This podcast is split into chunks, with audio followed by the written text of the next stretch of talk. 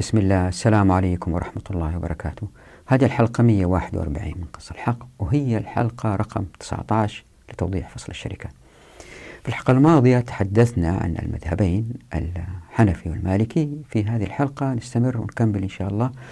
أقوال الفقهاء في المذهب الشافعي والحنبلي عشان نرى الفروق بين هذه المذاهب ونتأكد أنها جميعا تسحب المجتمع المسلم إلى الكفاءة والعدالة. في موقع في اليوتيوب اسمه تنوين كان نشر لي حلقة مقابل أجرها معي عن كتاب قص الحق. وبالتالي ظهرت عدة أسئلة من بعض المشاهدين إلا ما شاهدوا قص الحق ولا تابعوه. بعضها أتتني مباشرة وبعضها موجودة في نفس التعليقات على الحلقة.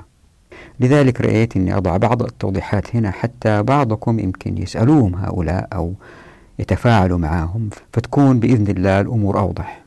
يمكن أهم نقطة ظهرت كاستحالة تطبيق مقصود الحقوق هو أن الناس بيقارنوا كيف الآن صناعة الطائرات أو السيارات يمكن تتم بهذه المبادئ التي أتت بها الشريعة لأنهم يروا هذه المبادئ. طبعا هم ما شاهدوا الحلقات أبدا ولا قرأوا كتاب قص الحق. فعندما يقرأوا مثلا أنه مالك والشافعي مثلا كانت لهم وجهات نظر في خلينا نقول بيع البر في مكان ولا في السقاية للماء واحد يجيب دابة واحد يجيب دلو واحد يبيع. فتظهر عدة أسئلة في أذهان الناس كيف يمكن ننقل هذه النوازل أو الحالات الدراسية التي بعرضها هنا إلى واقعنا المعاصر. فإذا أحدكم سئل بهذا السؤال تكون الإجابة كالتالي في الغالب الذين لا يروا إمكانية تطبيق هذه المسائل هم بيحكموا على تخصص آخر غير تخصصهم. مثلا يمكن يكون السائل مدرس في مدرسة متوسطة ويستحيل عليه أنه يتصور كيف يمكن الشريعة توجد مصنع مياه مثلا. فالخطوة الأولى هو الواحد يقول له أسأل شخص متخصص في صناعة المياه. فمثلا إذا كان سألت واحد متخصص في صناعة السيارات وقلت له هل بإمكانك أنت وزملائك مع بعض تشتغلوا شراكة وتوجدوا مصنع لصناعة مكائن السيارات؟ ما نسأل واحد صيدلي لا نسأل واحد في صناعة السيارات. جوابه راح يكون نعم وهذه جربتها أنا مع كثير من المتخصصين في الصناعات المحددة. فجوابه يكون نعم وراح نسوي المصنع بطريقة أفضل إذا كانت عندنا الإمكانيات لأنه هو شغال في المصنع ويعرف كل التفاصيل اللي في المصنع لكنه مقيد بإدارة عليا. فعندما ينطلق وتسأله وتقول له والله طيب إذا كان أحد أعطاك الإمكانية هل يمكن تسوي مصنع أنت وزملائك مع بعض وتخشوا شراكة مع ناس يدفعوا لكم أموال؟ راح يقول لك نعم. وإذا كان سألته طيب كيف تعرف حجم هذه الماكينة وكيف تركب في السيارة؟ راح يجاوبك ويقول لك المصمم للسيارة راح يرسل لنا مواصفات الماكينة اللي يبغاها يحطها في سيارته ويرسل لنا طريقة تموضع هذه الماكينة في السيارة. ويرسل لنا مواصفات مداخل ومخارج المواد لهذه السيارة مثل البنزين والزيت والماء. بالطبع هؤلاء المنتجين لهذه القطع المختلفة اجتمعوا واستمروا في الاجتماع يمكن أيام وليالي لأنه ربح لهم فمن مصلحتهم أنهم يضبطوا الشغلة. فاجتمعوا ويتبادلوا المعلومات ويتبادلوا المواصفات ألين اتفقوا على الحاجة اللي يبغوا ينتجوها وبإتقان. ليه؟ لأنه في جماعات أخرى في مناطق ثانية بتنافسهم. فاللي بيصير أنه في الشركات الحالية اللي هي العمال اللي يشتغلوا فيها ما يملكوها تأتي التصاميم على شكل أوامر تنفيذية من فوق. والآن مع الين برودكشن يمكن ياخذوا آراء الناس اللي يشتغلوا في الوظائف السفلى. لكن إن التصنيع تفتت زي ما الشريعة إن شاء الله تؤدي لأنه الكل مالك الكل يساهم والكل يشارك. فحتى المعلومات تنتقل من جماعة إلى أخرى يحتاجوا اتصالات مستمرة واجتماعات مستمرة. لذلك أنا في هذه الحلقات اللي راحت واللي جاية بأحاول بانتقاء النوازل من أقوال الفقهاء بحاول أختار الاحتمالات اللي تغطي كل الاحتمالات التي تساعدنا لإيجاد الحلول في وضعنا المعاصر. فمثلا في هذه الحلقة نناقش مسألة واحد سقة. أتعاون مع آخرين حتى يستخرج الماء ويبيعه فندرس الخلاف بين الفقهاء. هل الماء هذا من مكان مباح من نهر أو من بئر مستحدث يعني هو تعب عليه وحفره؟ في فرق إذا كان الماء مباح أو إذا كان لا ما هو مباح. يعني بئر في ملكية شخص. ماذا قالوا الفقهاء؟ هذا نفسه ينطبق على مثلا جماعة عندها هنجر كبير وتجيب جماعة أخرى عندها معدات ويحفروا بئر غميق ويستخرجوا المياه وداخل الهنجر هذا. يحضروا الأجهزة والمعدات التي تعلب المياه داخل القوارير البلاستيكية التي نراها. هنا في هذه الحالة في تكاتف بين الأفراد إلا بيشتغلوا مع بعض حتى يوجدوا هذا المصنع. لاحظوا قلت تكاتف في الحلقة الماضية قلنا في فرق بين التكاتف والتكامل وأن التكامل هو في النظام الرأسمالي واحد عنده مال كثير يجيب أفراد بمهارات مختلفة يتكاملوا ليوجدوا منتج. بينما في الشريعة بالإضافة للتكامل في التكاتف لأن الناس هم يشتغلوا شركاء مع بعض فيتكاتفوا بين بعض. كتف على الكتف زي ما في الصلاة. مثال آخر يمكن تجي جماعة تسوي بناء جاف تأتي جماعة أخرى توجد سكة حديد تأتي جماعة أخرى تعمل القاطرات وتأجرها أو هي تملكها وتنقل هذه البضائع على هذه السكك. فهي تستأجر من ملاك السكك الحديدية حق استخدام هذه السكك الحديدية زي واحد مستأجر شقة. يعني نفس المبادئ لكن نضعها في إطار حالي. ويمكن إذا واحد ناقشكم وقال لكم مستحيل لأنه الآن المنتجات كبيرة وتحتاج تآزر عدد كبير من الناس. مثلا ماكينة سيارة الآن تحتاج على الأقل زي ما هو معروف إلى 200 مهندس إذا بدأوا من الصفر من التصميم إلى الصب إلى البيع. وهذا عدد كبير. واحد يفكرهم أنه الشريعة تؤدي إلى التفتيت وحتى إذا لم تتفتت في هذه الحالة الآن الناس مجتمعين. 200 شخص وبينتجوا مع بعض تحت إدارة عليا بينتجوا مع بعض ماكينة. ما يقدروا يشتغلوا لأنفسهم بين بعض من غير إدارة عليا؟ بالعكس اشتغلوا وينتجوا ويبدعوا لأن أياديهم ليست مقيدة. فبحمد الله إن شاء الله في فصل الشركة نغطي جميع الاحتمالات الممكنة لظهور الشراكات. فمثلا كيف ستكون الشراكة؟ إذا كان يمكن لهذا المنتج أن يظهر من غير شراكة. مثلا واحد يتشارك مع آخر هو عنده بضاعة والآخر عنده مكان. هل يمكن إيجاد هذا المنتج ألا وهو عملية البيع من غير الشراكة؟ يعني صاحب البضاعة يستأجر من صاحب المكان الدكان؟ أو أنه يستحيل إيجاد هذا المنتج من غير تداخل الشركاء مع بعض. مثلا طحن حاجة في الماضي كانت تتطلب رحى ودابة وواحد يشتغل بالإضافة للمكان نفس هذا المثال إذا أسقطناه على وضعنا المعاصر نجد أنه ينطبق على الكثير من الأمثلة. ليه؟ لأن المكونات الأساسية هي مكان زائد معدات زائد عمل. فننظر العلاقة بين هذه الثلاثة وكيف الفقهاء الأوائل تعاملوا معها. فالحاجة الوحيدة إلا ما غطيناها هي التقدم الصناعي لأنه مسألة لا تنتهي وكل صنعة لها أسرارها. وأكثر من يعرف هذه الأسرار هم الناس الشغالين في إنتاج هذه السلعة. وبالتالي نسأل الناس اللي شغالين الآن في مصانع رأسمالية أو مصانع مملوكة للدولة هل بإمكانكم أنتم اللي شغالين في هذا المصنع؟ إذا أتيحت لكم الفرصة في الموارد والموافقات المعرفة تنتجوا نفس الإنتاج بنفسكم من غير سلطة عليا تقول لكم إيش تسووا؟ هذا هو السؤال المهم. مسألة أخرى أيضا أتاني سؤال من زميل بيقول لي أنت ليه بتركز على العدالة والكفاءة؟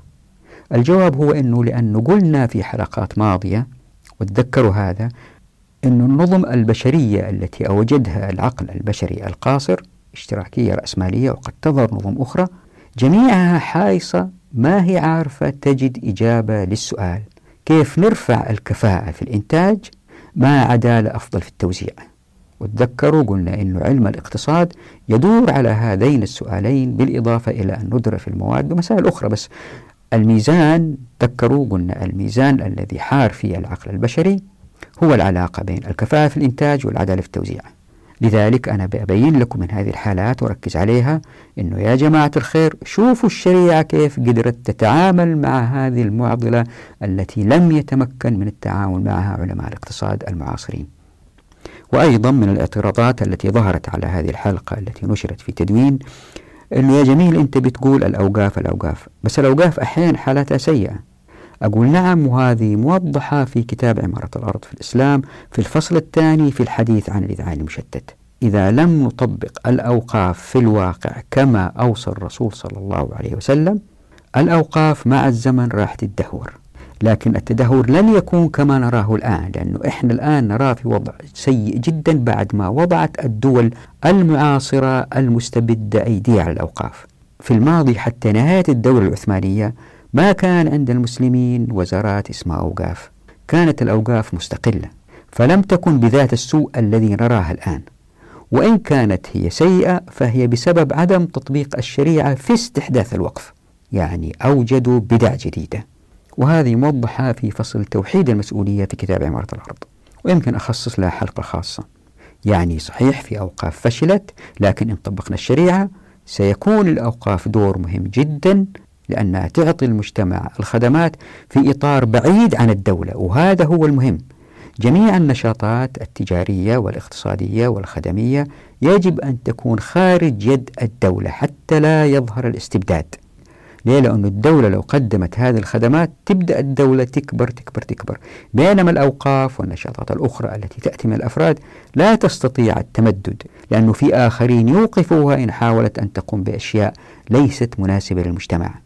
بينما الدولة إذا سيطرت لا يستطيع أحد إيقافها تمتد وتمتد. وبالتالي هؤلاء المسؤولين اللي في الدول إذا وقعوا في أيدي الدول الخارجية يأتي الذل للأمة المسلمة كما هو حالنا الآن. وهذا مكر الواحد يتذكر قوله تعالى أعوذ بالله من الشيطان الرجيم وإن كان مكرهم لتزول منه الجبال. سنبدأ هذه الحلقة بالربط بالحلقة الماضية ونثير مسألة مهمة ألا وهي إذا لم يوجد رأس مال جو جماعة واشتركوا وما عندهم رأس مال. أشتركوا بالمعدات والعمل. نلحظ أن الفقهاء يهملوا المعدات في الشراكة في اعتبارها رأس مال مقارنة بالعمل المباشر ليه؟ لأنهم اعتبروا العمل المباشر هو كرأس مالهم إذا حدث خلاف بينهم. راح نناقش هذه المسألة من حيث الكفاءة والعدالة يعني تقديم العمل المباشر على المعدات. وطبعا هنا يثور سؤال هو الآن المعدات قد تكون مرتفعة جدا في السعر مثلا معدات مطبعة كبيرة ليست مثل دلو الماء. نوضح هذه المسائل إن شاء الله. بعد كده ننظر إلى مثال من المذهب الشافعي فنأخذ نص من المجموع واللي يبين أنه اثنين أتشاركوا واحد عنده سيارة والثاني بيشتغل في السيارة حتى يوجد ربح. ونلاحظ أنه الربح كله لصاحب السيارة وعليه الأجرة للسائق وأنه هذا القول عكس ما ذهب إليه المالكية. فنناقش هذه المسألة وتأثير ذلك في العدالة والكفاءة. بعد كده أنظر لمثال آخر من البويطي من المذهب الشافعي إلا ناقش فيه الشراكة التي قد تحدث بين أربعة واحد من عنده الرحى واحد من عنده البغل واحد من عنده البيت واحد من عنده العمل. واللي بيبين فيه أنه هذه الشراكة فاسدة ليه؟ لأنه قاسها بالشركة والإجارة والقراض وبين أن اتباع هذا المذهب قد يوجد صعوبة في ظهور الشركات الكبيرة بالذات في أيامنا هذه. مثلا كيف يوجدوا ماكينة سيارة؟ واللي في العادة تحتاج إلى على الأقل 200 فرد يجتمعوا مع بعض من التصميم إلى ظهور المنتج.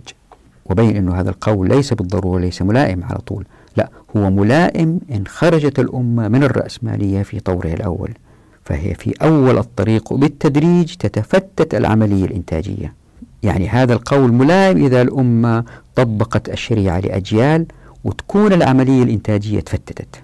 ننظر بعدين أيضا لنص آخر المذهب الشافعي لاشتراك أربعة في الزراعة واحد من عنده البذور والثاني من الأرض والثالث البقر والرابع العمل. والمنتج النهائي ألا هو الثمر الزرع يكون بينهم. فالمذهب بيقول أنه هذا عقد فاسد لأن الأموال اللي دخلوا فيها شراكة يعني البذور والأرض والبقر لم تخلط بل هي أعيان متميزة. بالتالي قد تفقد الأمة فرصة إنتاجية في هذه الحالة. لكن إن كان الشركاء تمسكوا بالمذهب المالك وبطريقة أو أخرى مزجوا هذه المتطلبات لإيجاد هذا المنتج ستزداد الكفاءة. مثلا اشتروا البذور من صاحب البذور ويصبحوا شركاء كلهم في البذور ويصبحوا شركاء في الأرض وفي الدواب التي تعمل. بعد كذا ننظر لمسألة معقدة وجدتها في المجموع وهو نص طويل وبين أنه مثلا هؤلاء الأربعة اللي اشتركوا مع بعض في الزراعة ما الذي يحدث إن كان استمروا في العمل؟ وما عرفوا عن الشراكة إنها فاسدة وظهر الربح فكيف يقسم الربح؟ بعد كده ننظر لنص من الشيرازي وهو أيضا من المذهب الشافعي عن طريقة استقاء الماء كيف يتشاركوا الناس حتى يستخرجوا الماء. والمسألة المهمة التي تثار هنا هو هل الماء مباح أو أنه من مصدر يملكه أحد الشركاء؟ فإن كان مباح فالشراكة صحيحة وطبعا الواحد يقيس على هذه المسألة ليس الماء ولكن جميع الخيرات الموجودة في باطن الكرة الأرضية وظاهرها. الفوسفات والألمنيوم والنفط فالشراكة صحيحة ويتقاسمون الربح. بعد كده ننظر للمذهب الحنبلي فأضع نص طويل لابن قدامة وهو نص نفيس ومهم. طبعا ما في داعي أوضحه هنا لأنه تحدثنا سابقا عن المذهب الحنبلي وقلنا أنه هو المذهب الذي لم يقيد استحداث الشراكات كالمذاهب الأخرى. طبعا في تفاصيل مهمة بالنسبة للباحثين وطلاب العلم. ريتهم اقرأوا النص اللي وضعته في الشاشة وشرحته في نهاية الحلقة. بعد كده ننظر لنص آخر أيضا لتأجير دابة وبردعة أو برذعة بالفصحى. يعني واحد عنده دابة والثاني عنده السرج أو البردعة. هل تجوز الشراكة بينهم أو لا؟ فيصير أنه صاحب الدابة يقول للمستأجر أأجرك إذا استأجرت البردعة من ذاك الشخص. وصاحب البردعة يفعل الشيء ذاته. في الأيام هذه يمكن واحد عنده شقة بيأجرها ويقول للمستأجر ما أجرك إلا إذا كان تستأجر الأثاث من المحل اللي هناك. هنا نناقش أن هنالك أعمال إنتاجية يمكن فصلها مثل بيع البر مثل تأجير الشقة بأثاث من غير أثاث وهنالك أعمال إنتاجية لا يمكن تفصيصها مثل الطحن. فأثير هنا مسألة مهمة ألا وهي الاحتكار. كيف أن الشريعة تؤدي إلى عدم ظهور الاحتكار؟ ليه؟ لأنه هذا الاشتراط أنه ما أجرك لين تستأجر من هناك يؤدي إلى نوع من الاحتكار في السوق. طبعا زي ما أنتم عارفين وضحناها في حلقات سابقة أنه الاحتكار أداة من أدوات الظلم والآن إلى التوضيح. إذا تتذكروا في آخر الحلقة الماضية وضعت في الشاشة لوحتين من المدونة الكبرى وقلت أنه الفرق يظهر بوضوح في هذا النص بين المذهب المالكي والمذهب الحنبلي. والآن أضع النص مرة أخرى على الشاشة وقلت أن المذهب المالكي لا يجيز الشراكة بين رجل دفع دابته أو سفينته لآخر يعمل عليها وقلت أنه لصاحب الدابة أجر المثل بينما جميع الغلة هي لمن عمل على الدابة. وإذا تذكروا قلنا أن هذا القول هو في صالح الكفاءة إن وقع التأجير. لكن يمكن يؤدي إلى هدر الموارد أي تقليل عمر الدابة أو السفينة في هذه الحالة. وقلت أنه على مستوى الأمة المذهب الحنبلي الذي لا يقف في طريق ظهور الشراكة بين العامل وصاحب السفينة أحيانا كما في هذه الحالة هو الأفضل. برغم أن المذهب المالكي يؤدي المزيد من الكفاءة لكن لاحظوا أن ابن القاسم رضوان الله عليه ذهب إلى أن الشراكة في الرحى والبيت والدابة تقع على الأبدان لأنها هي رؤوس الأموال وأن ما أخرج من متاع له أجرة. وبهذا فقد تكافؤوا في أعمالهم يعني في رؤوس أموالهم.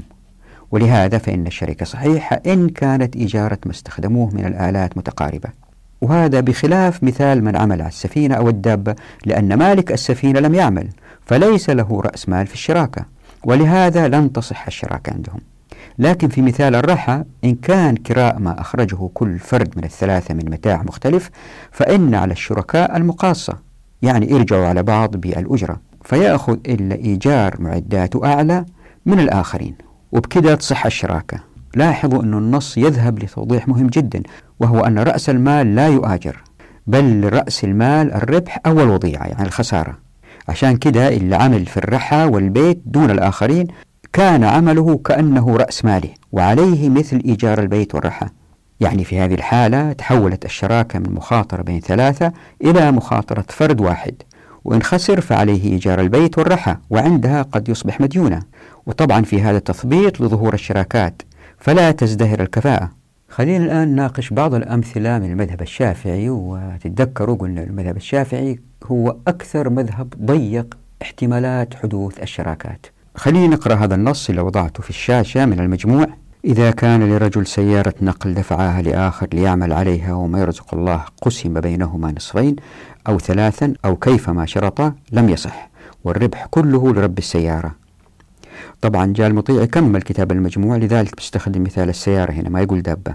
والربح كله لرب السيارة لأن الحمل الذي يستحق به العوض منها وللعامل أجر مثله لأن هذا ليس من أقسام الشركة إلا أن تكون المضاربة. وقال أحمد وأصحابه يصح العقد نص عليه في رواية الأثرم ومحمد بن حرب وأحمد بن سعيد. وقال أبو ثور وابن المنذر وأصحاب الرأي لأنها عين تنمى بالعمل عليها فصح العقد عليها بيوم واحد. لاحظوا هنا أن المطيعي لم يجز الشراكة طبعا هو بيتبع مذهبه بل حول احتمال ظهور الشراكة إلى عقد إجارة فيكون الربح لمالك السيارة لأنها عين تنمى بالعمل عليها وللسائق أجر المثل. وهذا عكس ما ذهب إليه المذهب المالكي إذ أن الربح للعامل ولمالك الدابة الأجر. هنا نلاحظ أن هذا القول قد يؤدي إلى إضمحلال الكفاءة لأن العامل قد لا يجتهد لأنه أجر مضمون. بينما المالك لا يدري ما الذي سيحدث للسيارة لغيابه عنها لأنها تسير بعيدا عنه. خلينا نأخذ مثال آخر. قال البويطي فإذا اشترك أربعة فأخرج أحدهم بغلا والآخر حجر الراحة ومن الآخر البيت ومن الرابع العمل على أن يكون ما حصل من الأجرة بينهم على ما شرطوه. فإن هذه معاملة فاسدة. لأنها ليست شركة ولا قراضا ولا إجارة لما بيناه في الفصل قبله. لاحظوا هنا أن البويطي لم يجز هذه الشراكة برغم أن عملية الطحن لا تتم إلا بتوافر البغل والرحى والمكان والعمل. يمكن لاحظتوا هنا أنه احتمال ظهور هذه الشراكة اللي تحتاج تكاتف أربع أنفار واحد من عنده البيت واحد من عنده الرحى واحد الدابة واحد يشتغل. احتمال ظهورها في هذا القول في نوع من الصعوبة. وإذا تتذكروا أنه دائما كنت أتحدث عن فتح أبواب التمكين في الموارد والموافقات والمعرفة. عندما يكثر الملاك في المجتمع ويتقاربوا في الدخل هذا معناه أنه هناك آه، أفراد يتمتعوا في المجتمع بممتلكات متقارمة فيما بينهم. يعني احتمال أنه تظهر شركة كبيرة زي ما في الرأسمالية لواحد عنده أموال كثيرة هذا احتمال صعب. فتظهر الشراكات عندها بتكاتف عدد أكبر من الأفراد. وكل ما زاد المنتج تعقيد مثل خلينا نقول ماكينة سيارة كل ما أحتاج لعدد أكبر من الأفراد حتى يتكاتفوا. يعني القول أنه هذه شركة فاسدة هي أكثر ملائمة للأمة عندما تكون في بداية عهدها ويمكن تكون خارجة من نظام رأسمالي ويوجد أفراد عندهم بعض الممتلكات أكثر من الآخرين. لكن مع تطبيق الشريعة لأمد طويل إلا بيصير لأنه الأفراد متقاربين في الدخل وما عندهم ممتلكات كثيرة هذه الشركة لا تظهر إلا بالتكاتف بين هؤلاء الأربعة. ليه؟ لأن الناس متقاربين في الدخل. خلينا نأخذ مثال آخر من الزراعة. قال الشافعي في البويطي إذا اشترك أربعة أنفس في الزراعة فأخرج أحدهما يعني أحدهم البذر ومن الثاني الأرض ومن الثالث الفدان يعني البقر التي يعمل عليها والرابع يعمل على أن يكون الزرع بينهم.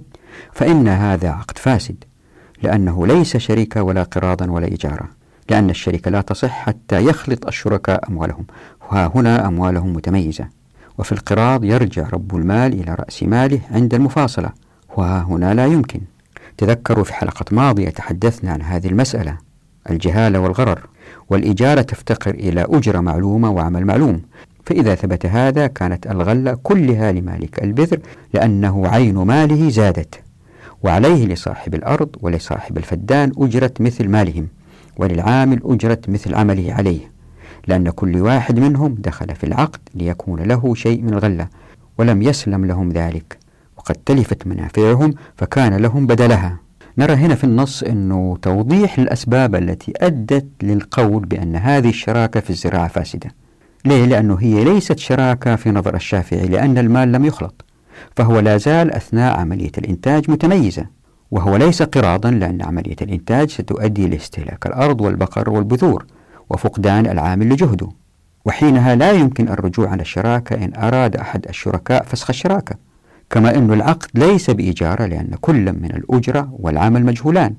لهذا فهو رضي الله عنه يرى أن الغلة كلها لمالك البذور لأنها عين تنمى بالعمل عليها وعليه دفع أجرة مثل ما للأرض والبقر لأن أعيانهما قد تلفت جزئيا بالإضافة لدفع إيجار العامل لأن العامل خسر مجهوده.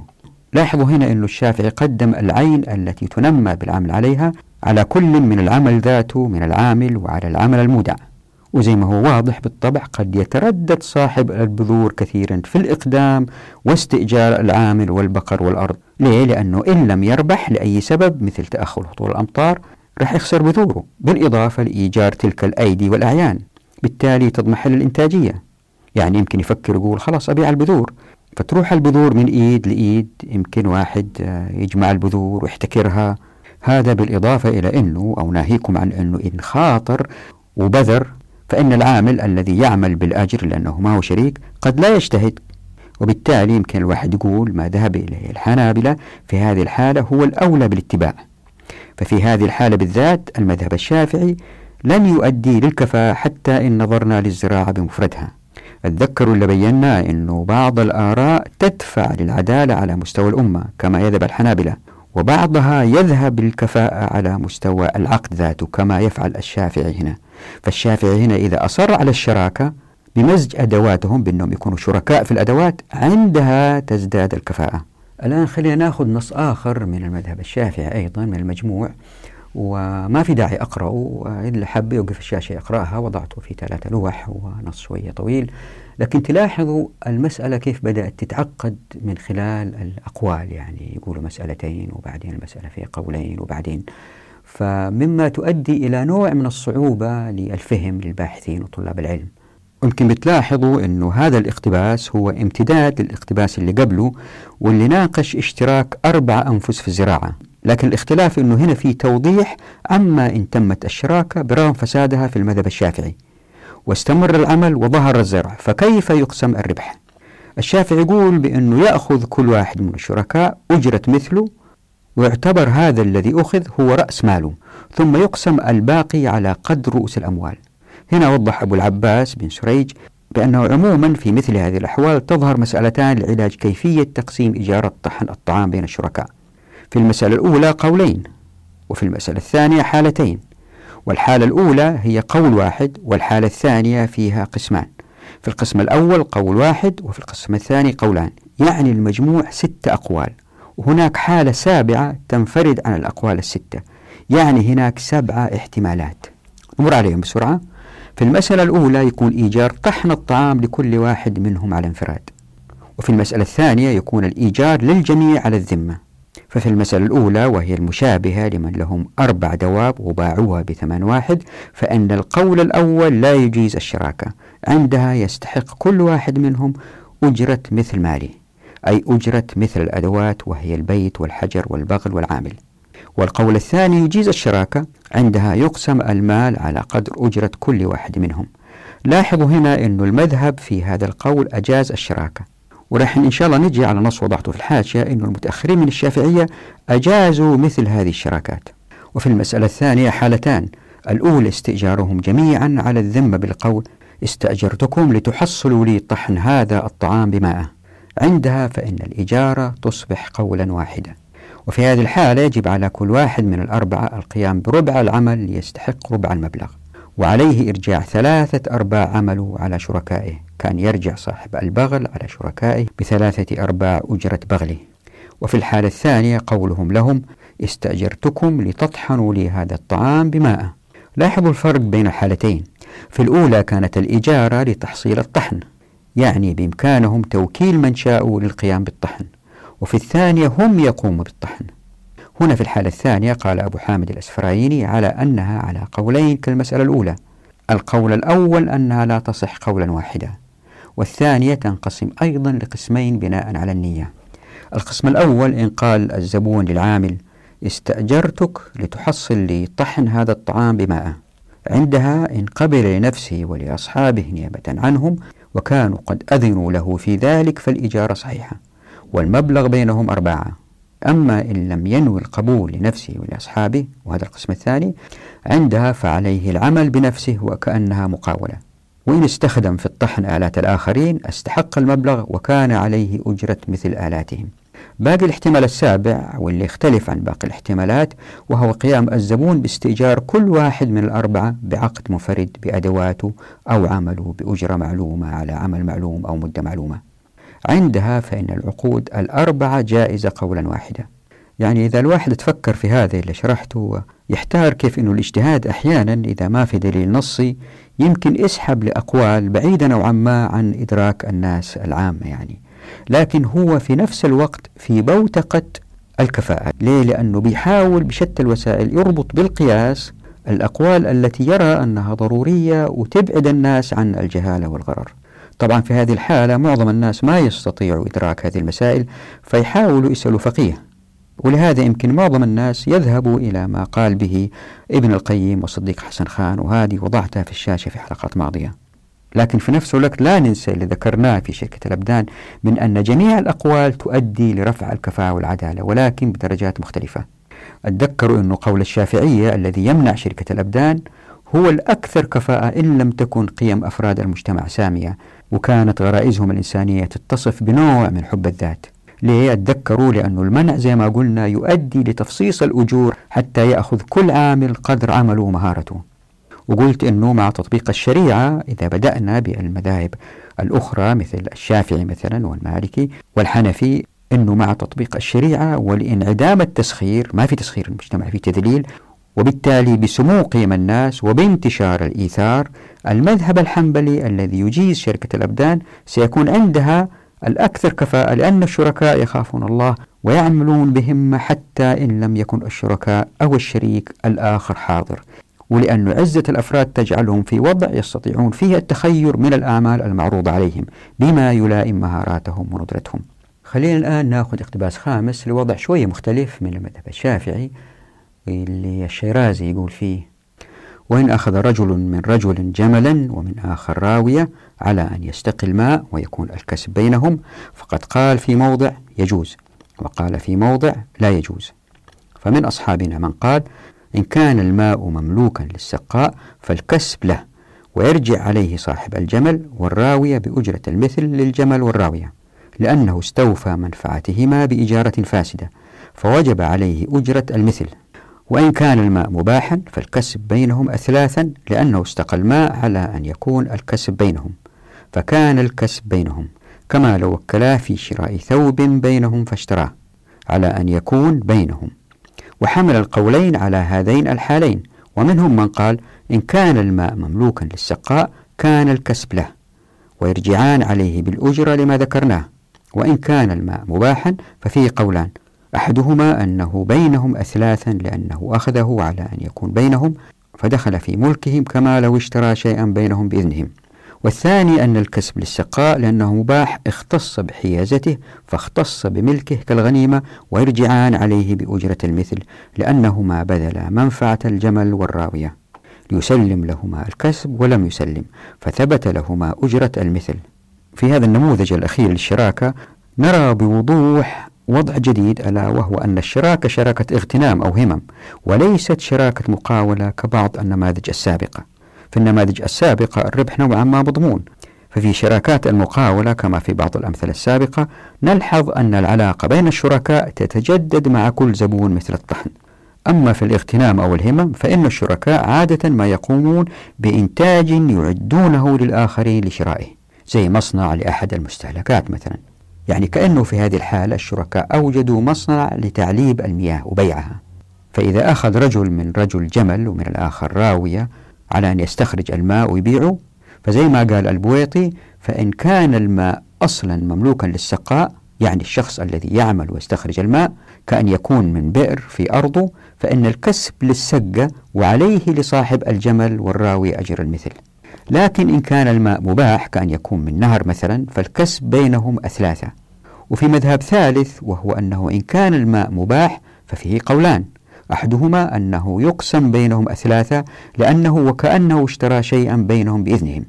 والثاني أن الكسب للسقاء لأنه من مباح ويدفع للآخرين أجر المثل. وهنا وضعت تحت الحرف شين مثال مشابه لكن بتفصيل أكبر. يا ريتكم إذا حب أحد استزيد يوقف الشاشة ويقرأها. يعني الملفت هو أن القول بقسمة الأرباح شراكة إذا كان الأصل مباح. والأمثلة على هذا كثيرة منها مثلا استخراج النحاس والرخام من الجبال وما شابه. لاحظوا أن هذا القول مخالف للي مر بنا من أن السمك لمن صادوا كما جاء في الحاوي الكبير من المذهب الشافعي. لكن المهم هنا هو أن القول بقسمة ما ينتج من حجر أو خشب أو فوسفات أو نحاس أو فضة أو نفط فيه توزيع بين عدد أكبر من الناس وهذا يؤدي لعدالة أكبر. واللي صار أنه في المذهب الشافعي المتأخرين من الفقهاء أجازوا هذه الشركات زي ما وضعت هنا في الشاشة تحت الحرف تاء. والآن خلينا ننظر للمذهب الحنبلي ويمكنكم لاحظتوا من كل المقارنات السابقة أنه المذاهب الثلاثة خوف من وقوع الجهالة والغرر بين الشركاء كان يضع شروط. هذه الشروط زي ما قلت تؤدي إلى كفاءة أعلى لكن هذا لا يعني أنها لا تسحب إلى العدالة لا هي تسحب الكفاءة أولا وتلحق العدالة. وما ذهب إليه الحنابلة يسحب إلى العدالة ثم الكفاءة. خلينا ننظر للنص الآتي اللي وضعته في الشاشة في أربع لوح. وهو نص نفيس لابن قدامة ويلخص معظم الأفكار التي تحدثنا عنها في الشراكة لكن لن أقرأها وأعلق عليها لأنها طويلة. فيليت المهتمين من طلاب العلم يقرأوا هذا النص لأنه نص واضح ورائع ويوضح الكثير مما قلت سابقا. تلاحظوا أن المثال يبدأ بنص واضح عن جواز قبول اتفاق الشركاء فيما رزق الله بينهما كيفما شرطا. إذا دفع رجل دابة لآخر ليعمل عليها. وإذا تتذكروا هذا الوضع لم يجزه المذهب المالكي وأن الشافعي والمذهب الحنفي ذهبوا إلى أن الربح في مثل الحالات كله لرب الدابة وللعامل أجرة مثله. لاحظوا أنه اللي قالوا بأن الربح كله لرب الدابة إنما هم يقدمون العين التي تنمى بالعمل عليها على مجهود العامل وللعامل أجرة مثل عمله. وفي مثل هذه الحالات فإن الكفاءة قد تتدنى لأن العامل قد لا يجتهد لأنه أجر مضمون وبغض النظر عن الغلة إلا إذا كانت قيمه عالية جدا. مع مرور الزمن في تطبيق مقصود الحقوق. بينما ما ذهب إليه الحنابلة بالقبول باتفاق الشركاء سيؤدي للمزيد من الكفاءة لأن نصيب العامل هو من مجموع الغلة بالإضافة لما وضحته مرارا بأن في هذا توزيع أعدل الموارد. لاحظوا هنا في هذه الحالة بقول أنه ما ذهب إليه الحنابلة يؤدي إلى كفاءة أعلى. في السابق كنت أقول لأنه هذه حالة مستثناة لكن كنت دائما أقول أنه الفقهاء في المذاهب الثلاثة قولهم يؤدي إلى كفاءة أعلى. ولاحظوا أني ذكرت سابقا بأنه إن كان الربح كله للعامل وعليه مثل إيجار الدابة فإن الكفاءة ستزداد لأن العامل سيجتهد في استغلال وقت الإجارة وطبعا شتان بين الحالين. لكن هذا يمكن ينهك الدابة. بينما هنا نجد أن الحل الذي أخذ به ابن قدامة وكأنه حل وسط يجمع بين محاولة الشريك الحفاظ على الدابة بأعلى عمل ممكن للمزيد من الربح. ناهيكم عن أنه ما ذهب إليه ابن قدامة في احترام لاتفاق الشركاء الذي يعكس تحقيق رغباتهم ما يزيد المبادرات بين الناس فتنتشر الشراكات كأعراف إنتاجية ليزداد العيش رغدا.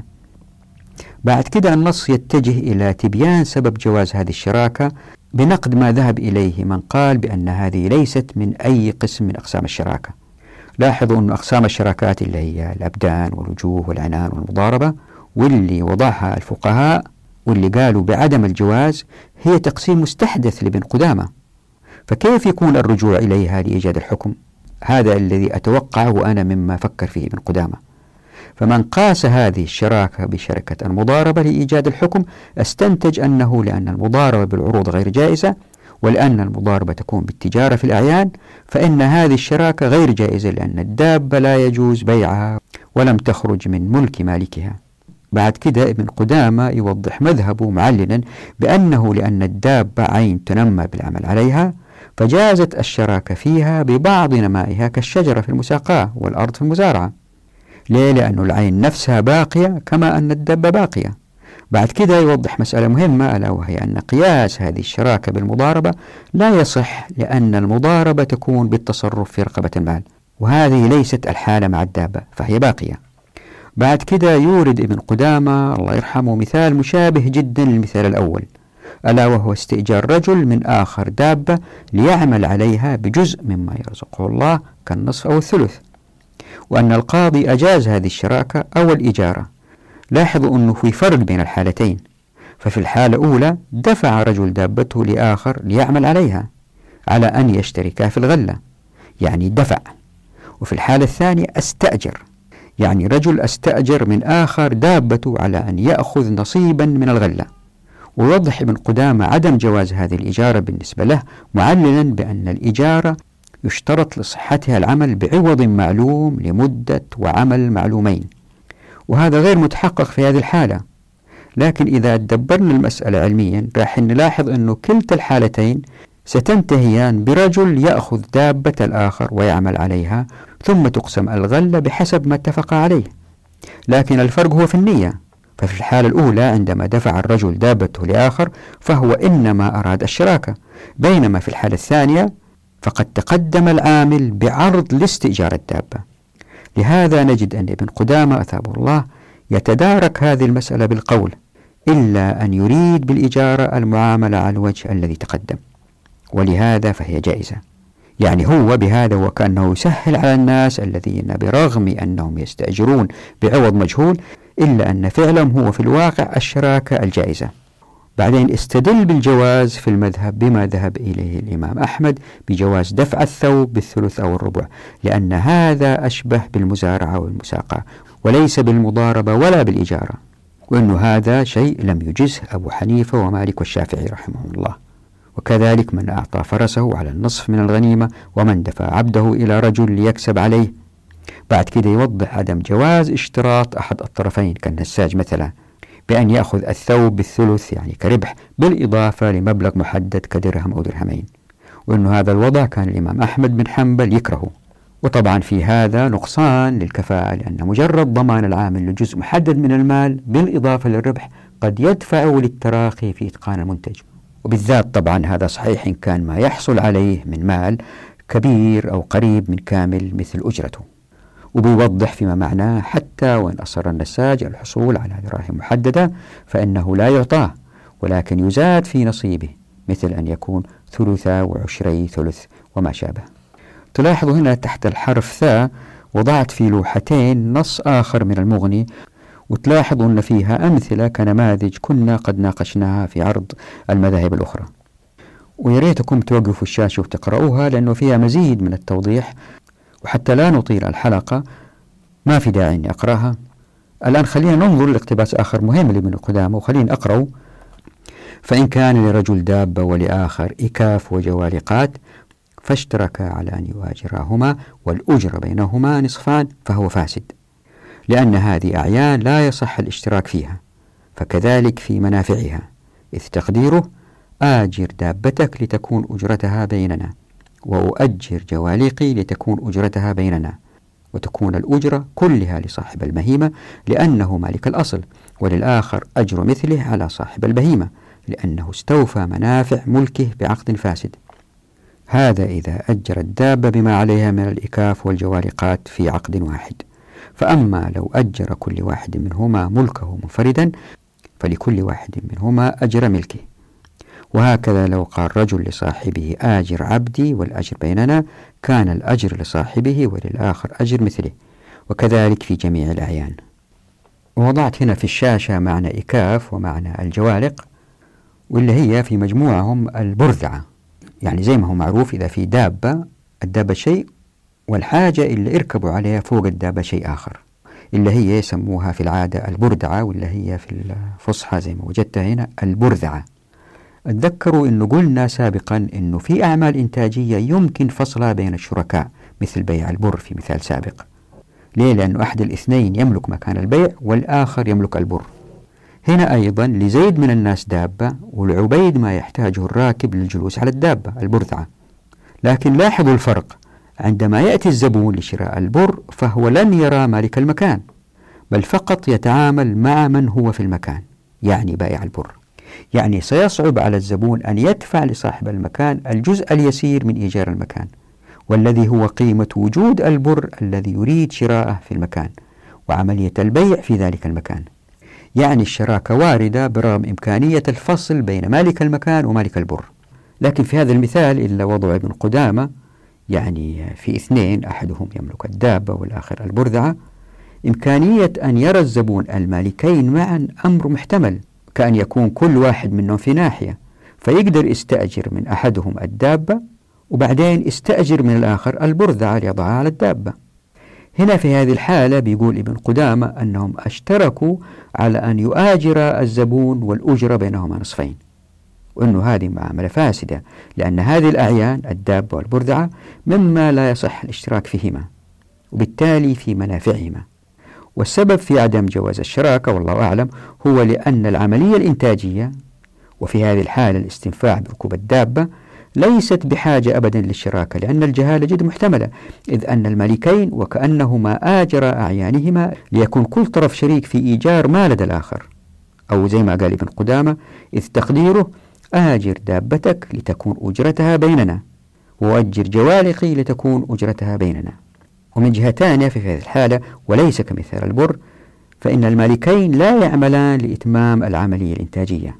هما فقط بيأجروا لكن مالك البر يعمل في المكان. ممكن من الأمثلة المعاصرة حتى نفهم المسألة في هذه الأيام أنه ما يحاول مسكن ما ومالك أثاث للتأجير أنهم اشتركوا في الإجارة بحيث لا يؤجر أحدهم متاعه إلا بتأجير متاع الآخر نفس الزبون. يعني تروح تبغى تستأجر شقة يقول لك لازم تستأجر الأثاث من ذاك الشخص.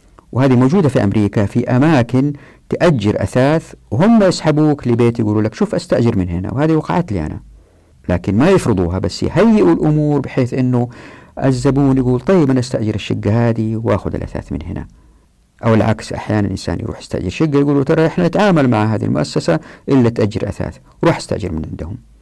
لكن اللي بيقولوا ابن قدامة أنه إذا شرطوا هذا الاثنين والزبون ما يقدر يستأجر هذه إلا باستئجار الأخرى فإلا بيقولوا ابن قدامة أنه في هذه الحالات العقد فاسد. وبالتالي فإن الأجرة لمالك الأصل يعني لمالك الدابة. وعليه دفع مثل إيجار البرذعة لصاحب البرذعة. لكن لاحظوا أنه إن استأجر مالك الدابة البرذعة هو استأجرها بنفسه وحطها على الدابة فله الحق أنه يؤجر الدابة والبرذعة عليها. وكذلك إن استأجر صاحب الدار الأثاث وضعه في داره. وهذا وضع مختلف تماما عما إذا اتفق الملكان على أن يؤاجرا أعيانهما معا ليش؟ السبب والله أعلم زي ما رح تشوفوا إن شاء الله في فصل البركة أنه إذا الشريعة أباحت أنه تاجر ببيع سلعة يقول والله ما أبيعك هذه السلعة لين تشتري السلعة ديك اللي تكملها معاها من ذلك التاجر؟ إلا بيصير أنه في نوع من الاحتكار بين التجار والأفراد يفقدوا فرصة الاختيار. زي ما رح نشوف إن شاء الله في فصل البركة الشريعة تدفع إلى إيجاد شفافية تامة في السوق أكثر من الرأسمالية. دحين ادعوا يقولوا الرأسمالية تؤدي إلى شفافية السوق. رح تشوفوا كيف الشريعة فيها حركيات تؤدي إلى شفافية أعلى وبالتالي عندما يكون كل شفاف وأسعار السلع تكون واضحة للجميع الجميع يرى احتمالية الذهاب إلى تصنيع هذه السلعة بمقارنة ذلك بإمكانياته وبالتالي تزداد المنافسة بين التجار بين المصنعين ويزداد الازدهار لأنه في كفاءة عالية. فالشريعة دائما تحاول ألا توجد أي طريق يؤدي إلى الاحتكار بل تقفله وفي هذه الحالة تأجير الدابة هو بيع منفعة لوقت محدد. فرضي الله عنه ابن قدامة وارضاه التفت لهذه المسألة وقال لا تصح. طبعا معظم الفقهاء قالوا هذا الشيء لكن ابن قدامة هنا في باب الشراكة وضحها بوضوح. وهذا يؤدي إلى تحرر الأفراد في الاختيار. ولأنه لهم الحق أنهم يختاروا واحد يمكن يستأجر السيارة من هذا الشخص ويستأجر العربة اللي ركبها ورا السيارة عشان يحط فيها عفشه من شخص آخر ما في داعي واحد يقول له ما أجرك هذه إلا بهذه. هذا يؤدي إلى المزيد وزي ما رح نشوف إن شاء الله في التصنيع يؤدي إلى المزيد من التحرر الأفراد وإلى المزيد من المنافسة وإلى المزيد من الكفاءة. الحلقة القادمة إن شاء الله ستكون عن الخسارة وهي موضوع مهم وطويل ويمكن يأخذ أكثر من ساعة. أحاول أضغطه إذا ما قدرت أسوي في حلقتين. نقف هنا نراكم على خير في أمان الله ودعواتكم.